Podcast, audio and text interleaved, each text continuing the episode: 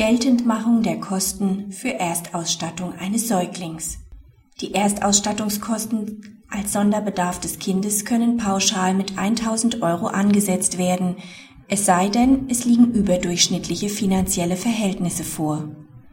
Die Mutter macht in Vertretung für das gemeinsame Kind gegen den Vater die Bezahlung einer Säuglingserstausstattung in Höhe von 5.491,90 Euro geltend.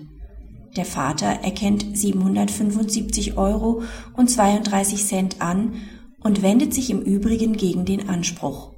Das Amtsgericht spricht dem Kind einen Betrag in Höhe von 2268 Euro zu.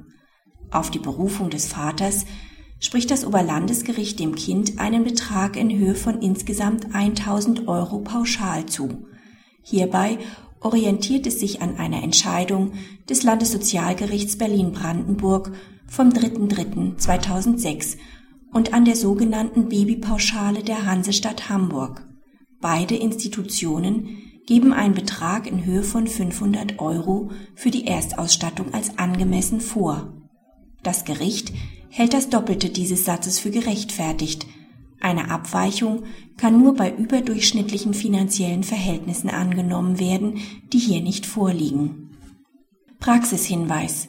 Das Oberlandesgericht nimmt in seinem Urteil Stellung zu einzelnen Positionen. So gehört der Hochstuhl genauso wenig zur Erstausstattung wie die Zimmerrenovierung. Es hat zudem im Hinblick auf die Frage, ob Erstausstattungskosten pauschal festgesetzt werden dürfen, die Revision zugelassen